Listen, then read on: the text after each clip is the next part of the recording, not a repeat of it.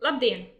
Eh, šodien mēs sākam jaunu video podkāstu, kur eh, zaļās ceturtdienas, kur es, Jānis Manovska un Jā, Marita Lūse, eh, pastāstīsim par aktuāliem jautājumiem, kas skar vidi.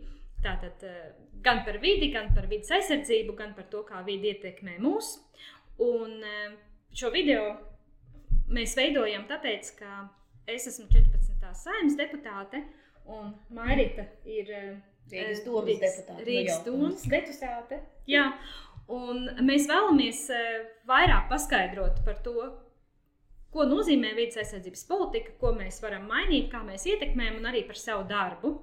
Un eh, mums šo podkāstu palīdz veidot Klaus Veseļuns.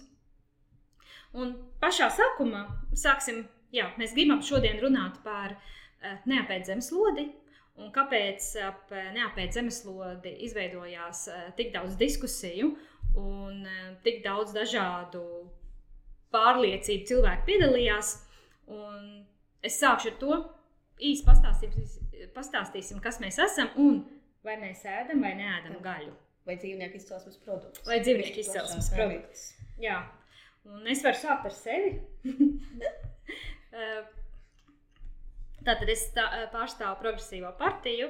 Es uh, piedalu, iesaistījos politikā tieši tāpēc, ka man liekas svarīga vidas aizsardzība un par to, ka mēs arī varam nosargāt uh, vidi arī nākamajām paudzēm, ne tikai paši sev.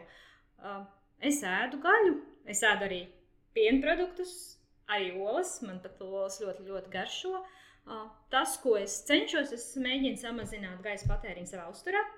Es mēģinu arī savu ģimeni pievērst uh, vairāk vegetāram uzturam. Tas nevienmēr ir vienkārši, tas nevienmēr izdodas.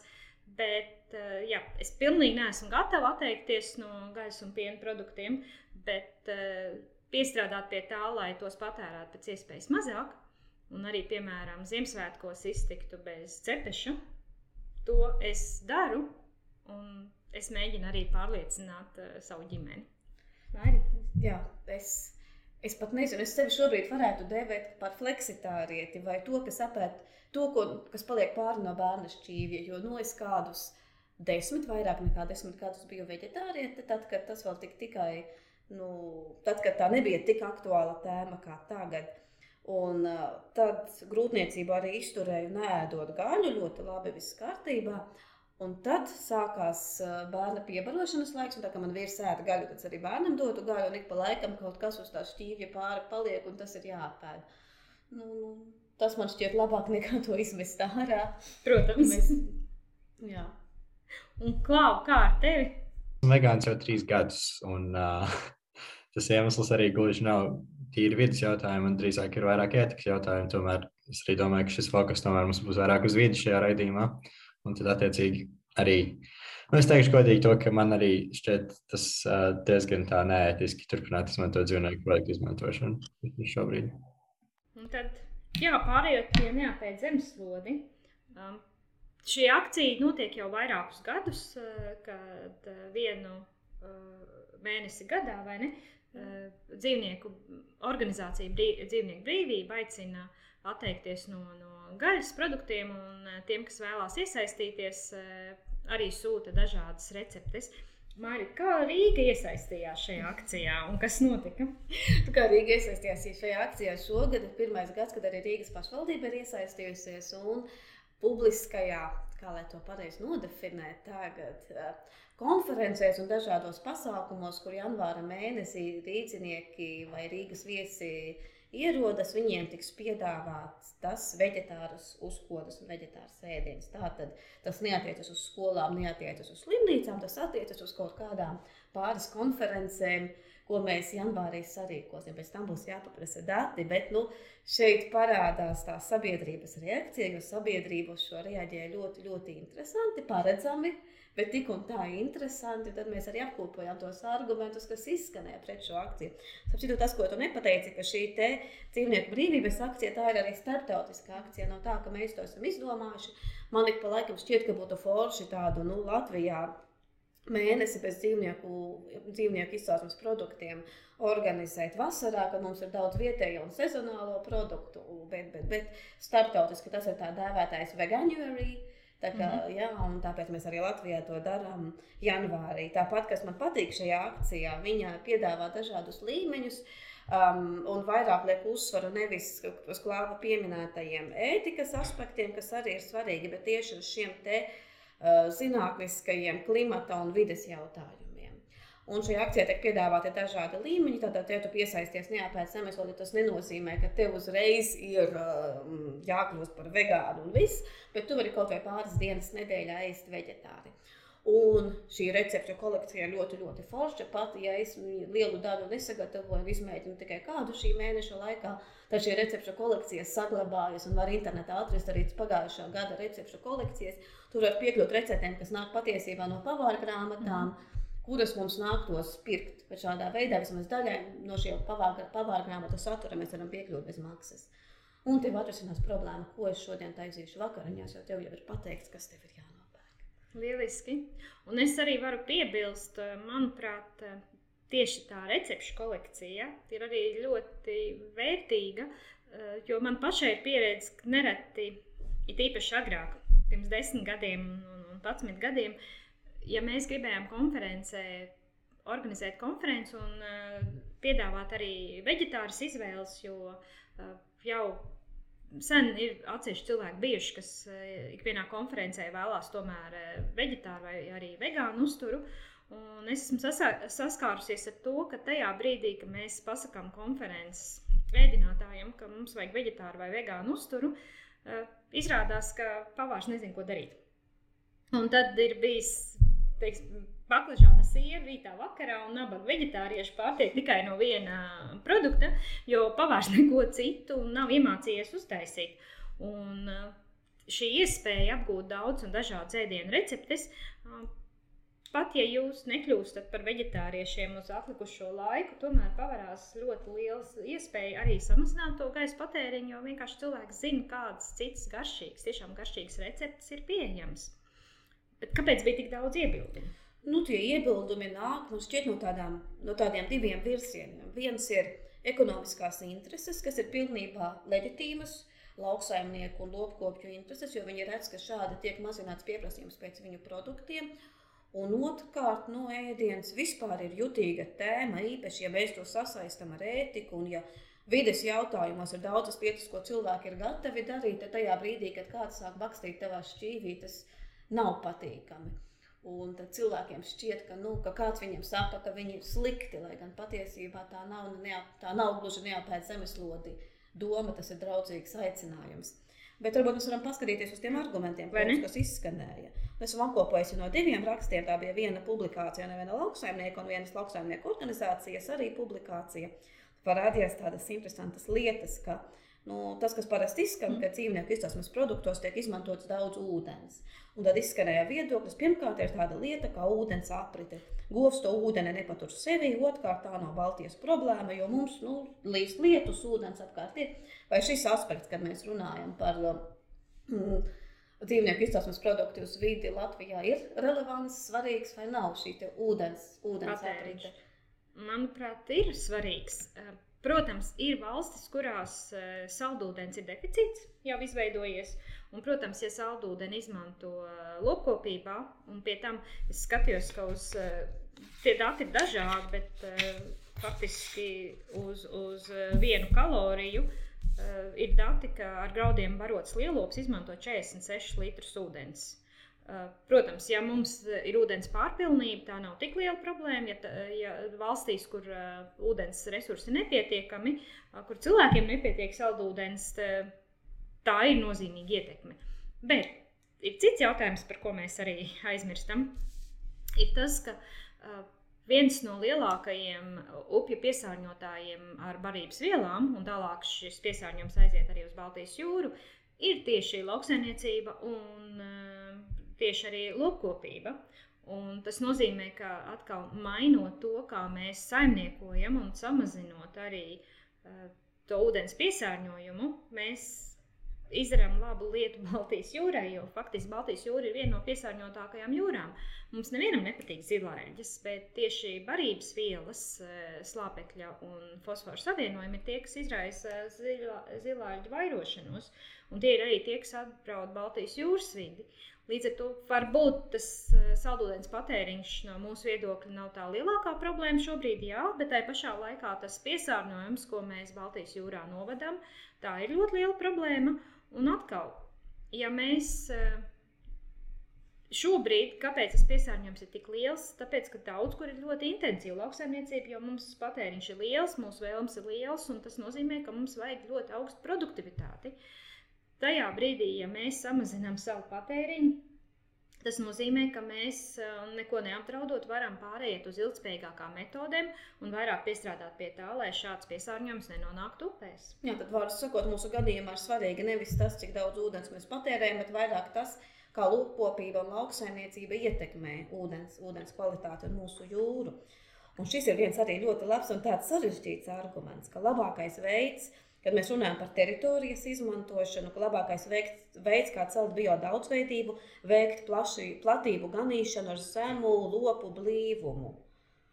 Un tā izskan, ka aptuveni 80% pasaules lauksaimniecības zemes, lauksaimniecības zemes aizņem lopkopība. Taisnība un labi, ka tā augkopības produkciju var iegūt ļoti maz vietās, pārējais derīgs tikai lopkopībai. Mm, man šķiet, ka šeit parādās tāda lieta, kas īsti līdz galam nav šajā argumentā netiek atspoguļota, ka tad, kad mēs runājam par to teritoriju, kas tiek izmantota lopkopībai, mēs jau nerunājam tikai par to pļavas gabaliņu, uz kura govs ganās, bet arī uz visu to, ko, to teritoriju, kas ir nepieciešama, lai būtu šai govī ko ēst, graudi, soja, viss, viss pārējais. Un nav jau tā, ka Latvijā visi ēstu tikai to no pļavām ganīto govju gaļu un pļavu govju pienu. Uh, Un, ja mēs paskatāmies, tad es tagad baidos sajaukt procentus, bet kaut kādi 40% no pasaules lopkopības zemes tiek izmantoti tikai tam, lai radītu graudaugus, ko apēst govīm. Vai ne? Jā. Tas pats arī par soju ir dati, ka lielāko daļu, pat 80% sojas audzē tieši lopkopībai, lai būtu barība. Un arī Amerikā ir veikta aprēķina. Viņi ir skatījušies, ja mēs pārietu tiešām ganībās, ganībie, ganītiem lopiem pie pašreizējā patēriņa. Un tas, ko viņi ir nosacinājuši, ka faktiski mums vajadzētu krietni vairāk zemes. Ar pašreizējām ganībām pilnīgi noteikti nepietiktu. Un arī tad, ja audzē graudus un dod tos lopiem, to zemi vajag mazāk, jo grau, graudu aug ļoti intensīvi. Savukārt, ja tas lops eh, to graudu vietā barotos tikai no ganības, tad nepietiktu. Tad vajadzētu vairāk ganību. Ja tas, tas zemu lopu blīvumu, tā atslēgas frāze, ja mēs Latvijā salīdzinātu, ja mēs skatāmies pagātnē, ka šīs govis ganījās skaistajās, plašajās ganībās un ziemā ēda sienu, cik tad bija cilvēku Latvijā un cik viņi ēda gaļu. Gaļa nebija tomēr tāds ikdienas, ikdienas uzturs. Un tagad, ja mēs to pašu mēģinātu noganīt, šādus pašus gaļas apjomus, mēģinātu saražot tādu gaļas apjomu, kā mēs patērējam tagad, tādam cilvēku daudzumam, neskatoties pat globāli, bet tikai uz Latvijas mērogu. Nu, mums uh, pļavas būtu. Mums nebūtu meža, mums būtu pļavas. Tieši tā, mums, mums vajadzētu atteikties no mežiem, mums vajadzētu pāriet uz pļavām. Un es tiešām gribu atgādināt, mums ir ļoti daudz mītu par to, ka mēs vienmēr esam ēduši gaļu, un tā nav taisnība. Ja mēs paskatāmies, kā latviešu zemnieks kādreiz dzīvojis, uh, tad uh, faktiski tie, kas atļāvās regulāru gaļu, tie varēja būt tikai kungu līmenī. Podagra karaļa Tieši tā, tieši Jā. tā. Tāpēc, ka vienkāršā tauta jau to nevarēja atļauties. Nebija arī leduskapju, kur to, ja nokāva lopu, kur to gaļu glabāja. Mēs zinām to, cik svarīgs bija, piemēram, tā saucamās cūku bēres, uh, ka cilvēkiem patiešām tie bija lieli svētki, ka mums bija tā uh, gaļa galdā. Jā, es tieši studēju Nīderlandē, un man liekas, ka diezgan plašas ziņās jau bija parādīta par slāpekļa krīzi, kas šeit notiek. Un arī un tas pamat iemesls, kāpēc tā vispār radās, ir tas, ka Nīderlandē ir gandrīz piecas reizes lielāks uh, blīvums, dzīvnieku blīvums uz uh, hektāru nekā visā Eiropas Savienībā.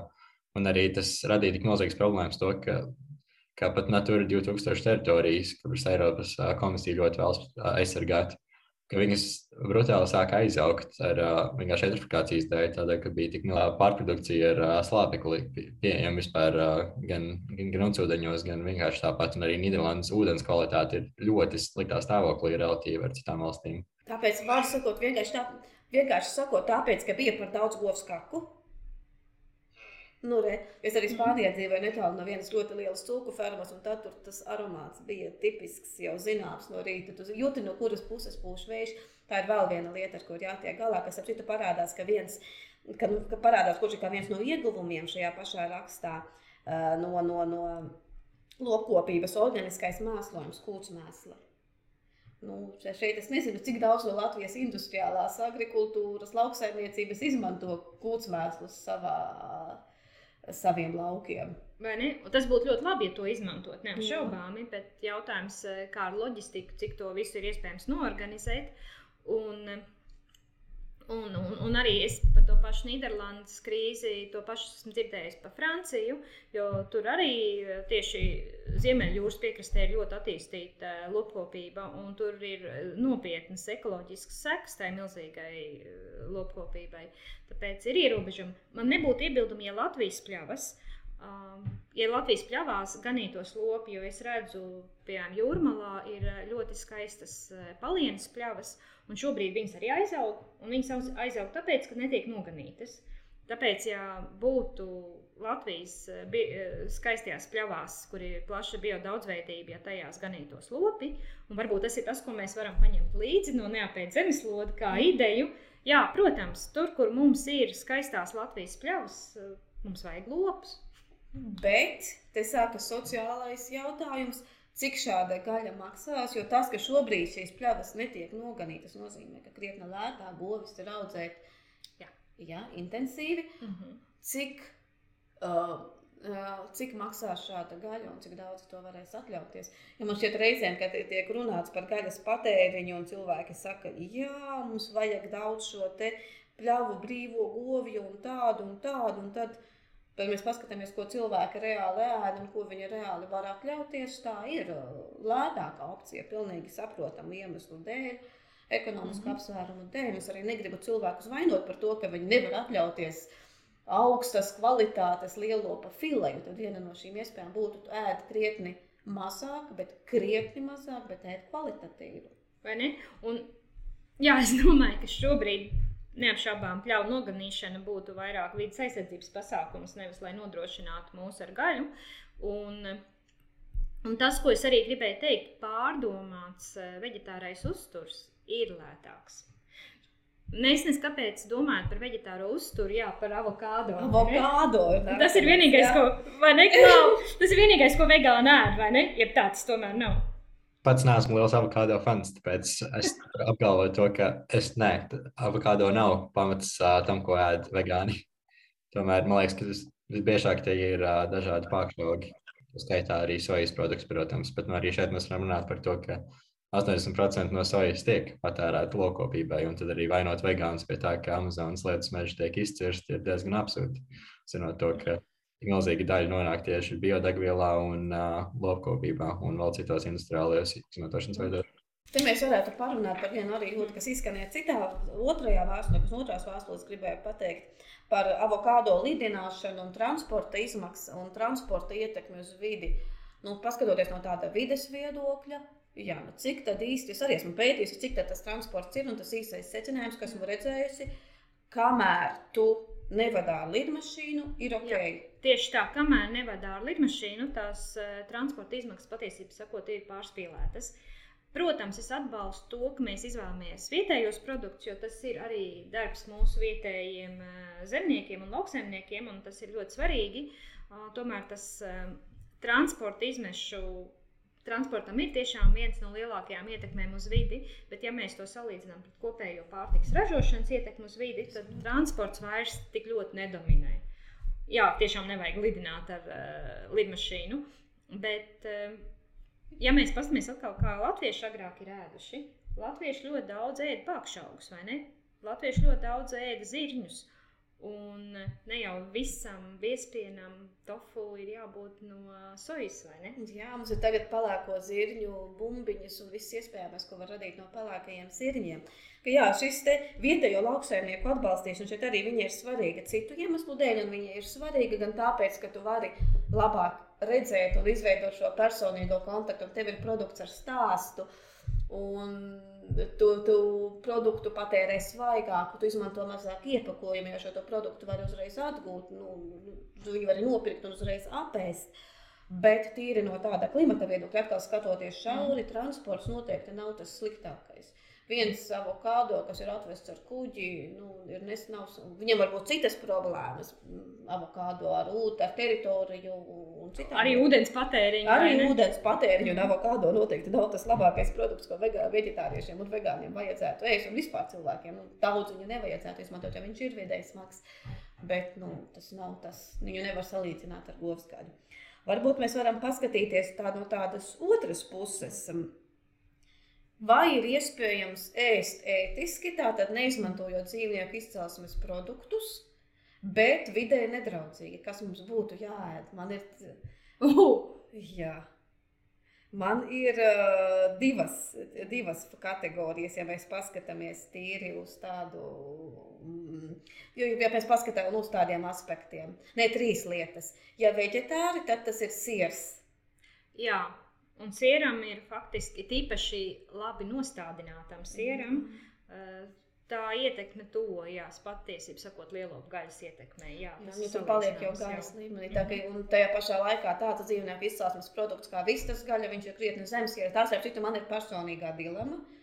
Jo, nu, es izvēlos sieru, lai gan es pat, un es aizvien vairāk sāku apsvērt, varbūt man skatoties tīri no vides aspektiem, tā vietā, siera vietā, ēst atsākt ēst oficiāli vistas gaļu, bet tad atkal to ir krietni grūtāk paskaidrot cilvēkiem, kāpēc tā ir viena, bet nē, otru. Viņam... Pilnīgi tā ir. Jā, vistas gaļa viennozīmīgi rada mazāku ietekmi uz vidi, un vēl vairāk, ja mēs skatāmies uz olām. Jā, nolas sēda, bet no, tā, no tādiem proteīniem varētu būt tā, nu, šī dilemma. Uh, Un tad vēl viens, kas arī produkts no vegānā, veģet, no vegānā uztura, kas, kas tuvojas, ja ne gluži gaļai, tad piena produktiem. Tie ir visi maģiskie vegānie burgeri, kas man pašiem īpaši mhm. negaršo.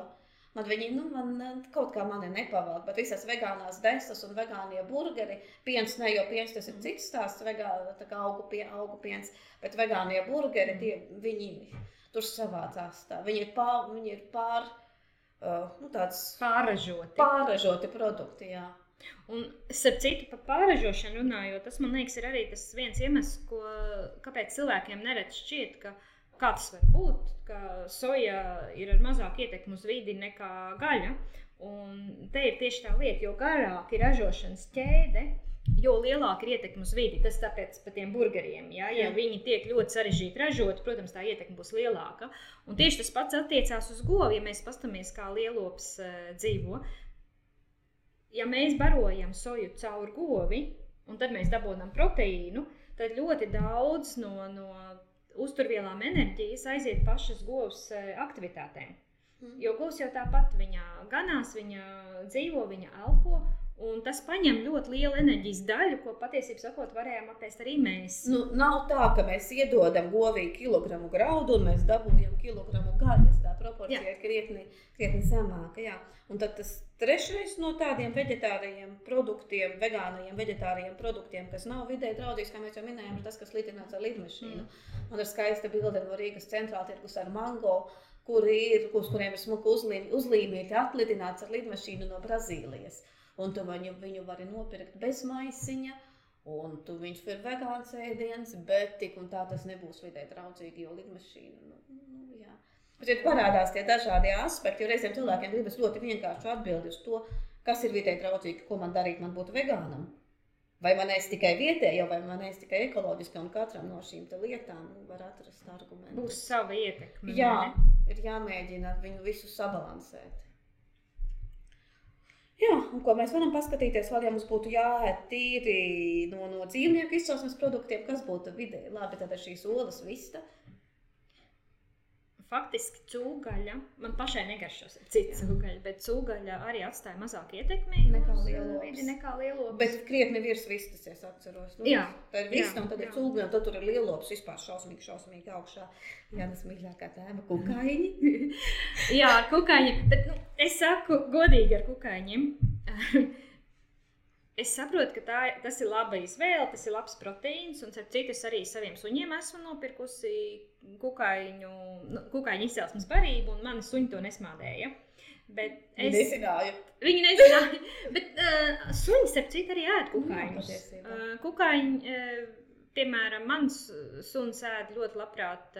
Nu, tas man liekas, ir tāds naidnieku iznīcināšana. Viņš iznīcina lapsenes. Tāpēc droši vien lapseni kaut kad viņam iekoda, un viņš to atcerās, un tāpēc viņš uzskata, ka tā lapsena jāiznīcina. Bet ir arī suņi, kas ļoti ciena, ko es dzirdēju, maiva buļkāpurus. Hmm. Tie ir ļoti trakni un ļoti garšīgi. Jā, bet tu pati kukaiņus Nē. ēsti? Nē. Nē, man, man lūdzu, nepiedāvāt. Es labprātāk šādā gadījumā esmu tiešām vegāns. Un starp citu par uzturvērtību, par ko arī ļoti Jā. daudz lauž ķēpus, vai vegāns un veģetārs, eh, vai viņš ar laiku izdzīvos, jo samazinās uzturvērtību. Un faktiski jau pirms desmit gadiem, ja nemaldos, Amerikas Dietologu asociācija un eh, pediatru asociācija ir ap, apgalvojusi, ka pārdomāts vegāns un veģetārs uzturs faktiski bērnam nodrošina visu nepieciešamo viņa augšanai. Un, eh, protams, tas ir grūtāk, ir vairāk jādomā, ir vairāk jākalkulē, ir jāpievērš visu laiku vērība, ka bērniem tiek pie, piedāvāts pietiekoši daudz uh, proteīna. Nu, tas ir obaltumvielu produktu, bet faktiski nav šobrīd, apgal, iemesli šobrīd apgalvot, ka pie laba piedāvājuma uh, mūsu bērni kaut kādā veidā ciestu un, un mazāk attīstītos. Man liekas, ka viens no iemesliem, kāpēc es savam bērnam devu, dodu dzīvnieku izcelsmes produktus, tajā skaitā gaļu, tajā skaitā cīsiņus. Eh, Tāpēc, kā tās ēdienas tomēr ir arī tradīcija. Un tas ir kaut kas, ko mēs vēlamies saviem bērniem nodot. Es zināju, ka man no ģimenes, otru, no ģimenes kāds viņiem gaļu, vēlēsies piedāvāt. Un es ļoti negribēju, lai tas kļūtu par kaut ko, ko viņai iedod, sakot, tikai nesaki mammai. Vai ne? Jā, ka šajā gadījumā es arī nevēlējos saspringt. Saprotu, zināju, ka man nebūs laika saspringt uz šo precīzo ēdienkartes veidošanu. Uh, nu, es pabeidzu vidusskolu pirms uh, diviem gadiem jau, bet es arī atceros to, ka kad katru reizi, kad gāju uz skolas ēdnīcu, ka vienkārši man vienā brīdī nācās pašam nest ēdienu no mājām, tāpēc, ka tur piedāvāja veģetāru uzturu un tikai ar uh, ārsta zīmi, kas man arī šķiet tā šausmīgi absurdi, jo es negribēju iet pie ģimenes ārsta tikai, lai būtu atļauja ēst veģetāru, kas arī tāpat nav pieteikumi man, jo es jau tajā laikā biju vegāns. Un tad es arī sāku nest ēdienu no mājām visu laiku. Bet uh, nu arī tas ir diezgan absurdi, to, ka nav, nav vispār neviena data par to, ka tas būtu arī veselīgi, par to, ka ēst gaļu katru dienu. Tas, man liekas, ir tā, nu, diezgan skaidri jau parādīts, ka tas nav veselīgi un tas ir nevēlami. Tad kāpēc arī skolas uzturā katru dienu tiek piedāvāti gaļas produkti? Tas arī ir vienkārši šķiet tā, jo es arī, nu, tas tā proporcija arī, ko deva brīvpusdienām toreiz, bija šausmīgi maza tā, tā izmaksas arī uz skolēnu. Tad arī jautājums vienkārši, cik kvalitīva tā gaļa bija un vai tur vispār kaut nedaudz tika ieskaitīta kaut vidas kvalitāte un tam līdzīgi. Un, piemēram, šeit man universitātē ir, lai gan mums arī šeit, protams, ir gaļas produkti un tam līdzīgi, un universitātē ļoti patīk sev saukt par zaļāko universitāti pasaulē, kas ir tāda ļoti, ļoti zaļmaldinoša dažreiz, bet, uh, bet nu, arī tajā pašā laikā šeit vienmēr ir pieejami kaut kādi vegāniski produkti vai pat veģetāri, tad, tad arī ir jautājums, kāpēc tas nav pieejams, piemēram, Latvijas skolās. Vai ne? Eh, Kāpēc tas nav pieejams? Nu, viens, es domāju, mēs jau redzējām šo reakciju uz neapēdu zemeslodi, kur pat nebija runa par mācību iestādēm, bet vienkārši, ka janvāra mēnesī uh, Rīgas pilsēta organizēs pasākumus uh, bez gaļas. Un es gribētu teikt, jau agrāk arī ir bijušas uh, Latvijā valsts iestādes un arī nevalstiskās organizācijas, kas savos pasākumos neizmanto gaļu un piedāvā veg vegānu uzturu. Un man arī nācies sas, sastapties brīžiem ar tādiem uh, pārst, uh, jautājumiem, kāpēc tā. Lielākā daļa cilvēku to pat nepamana, bet nepiefiksē. Nepiefiksē, ka šī ka, Jā. jā, ka ēdiena nebija, ka šajā ēdienā nebija gaļas, bet Latvijā Ikšķilas brīvskola izcīnīja iespēju dot ja, bērniem šo uzturu, kas ir uz augu, augu izcelsmes uzturu. Bet tur ir problemātika tieši ar to, ka ar likumdošanas aktiem, kāds ir skolās noteiktais uzturs. Un, Tur ir dziļa problēma apakšā, bet no tāda tīra no loģiskā viedokļa, nu, vienu dienu nedēļā skolā bez gaļas mēs mierīgi, mierīgi varētu atļauties. Tas ēd to uzturu, ko jaunieši un bērni ēd, padarītu nevis sliktāku, bet labāku, jo mēs varētu viņiem dot uh, kvalitatīvākus produktus. Šis augu izcelsmes uzturs ir lētāks, tad mēs varētu atļauties augstākas, um, augstākas kvalitātes ēdienu mums būtu šis uzturs dažādāks, uzturvielām bagātāks. Un, nu, tur arī no, no tāda vega, arī pusaudža puisis var paēst no vegetāra uztura, ja tas ir labi sagatavots. Vai ne? Jā, un apēdīs vakariņās mājās vairāk. Tas, kas ir jālauž, man šķiet, ne tik ļoti viens visiem, tagad ir jākļūst par vegetāriešiem un vegāniem, jo tas ir ļoti tāls mērķis. Un atkal mums nevajag pāris cilvēkus, kas rīkojas perfekti, mums vajag lielu daļu, kas kaut nedaudz uzlabojas, mums būtu jālauž šī ideja, ka ēdiens ir ēdiens tikai tad, ja viņam ir klāta gaļa. Kas man šķiet, jau tiek lausta, un cilvēki pieņem arī to, ka es varu paēst bez gaļas, vismaz ar sieru, ja nu bez gaļas, bet nu, nu, kaut ko vismaz tajā virzienā mēs ejam. Un Tad ir tādi divi jēdzieni, kā fleksitārietis un mm. klimatārietis. Tātad cilvēki, kas ēd uzturu, fleksitārieši ir tie, kas ēd gaļu pāris reizes nedēļā, tur katrs izvēlas. Nu, es tur lielākoties ēdu vegetāri, vegāni, nu pāris reizes nedēļā, mēnesī.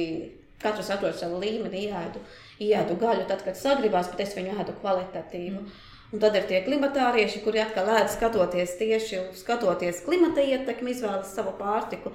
Un tur arī ir veiktas starptautiskie pētījumi par to, kāda būtu šī, šī ideālā ēdienkarte, lai tev būtu šīs labās uzturvielas un tajā pašā skaitā laikā zema ietekme uz vidi. Tur tā gaļa ir nu, kaut kādas, es skatījos, 30 kalorijas dienā.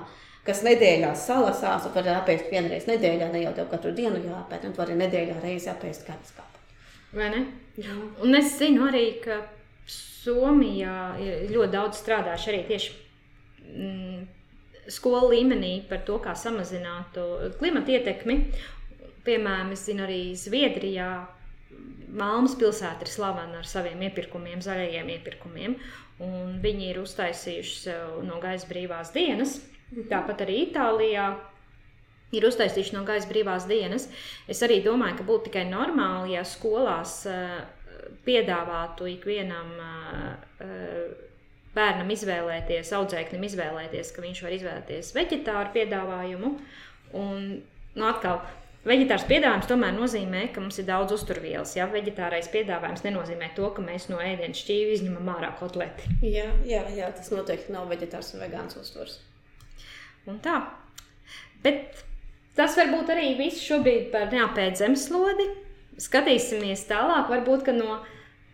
Es pat domāju, šis troksnis ap neapēdu zemeslodi nemaz tik slikts nebija, vai ne? Jo tas arī pievērs lielāku vērību. Nu, es kā cilvēks, kas kļuva par vegetārietu pirms vairāk nekā desmit gadiem, saku, ka šis troksnis ir krietni, krietni mazāks.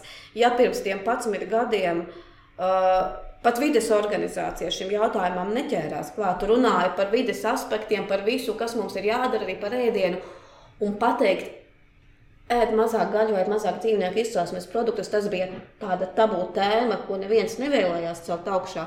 Tad tagad tā, tad viņa kļuva normālāka vides aprindās, mm. un arī tagad aizvien lielāka daļa cilvēku apzinās un saprot, ka no vidas, ka gaļas vidas ietekme ir krietni lielāka nekā dzīvnieku, produ, dzīvnieku izcelsmes produktiem. Ka dzīvnieku izcelsmes produktiem ietekmes vidi ir krietni lielāka nekā augu izcelsmes produktiem. Lūk, pareizi. Vai ne?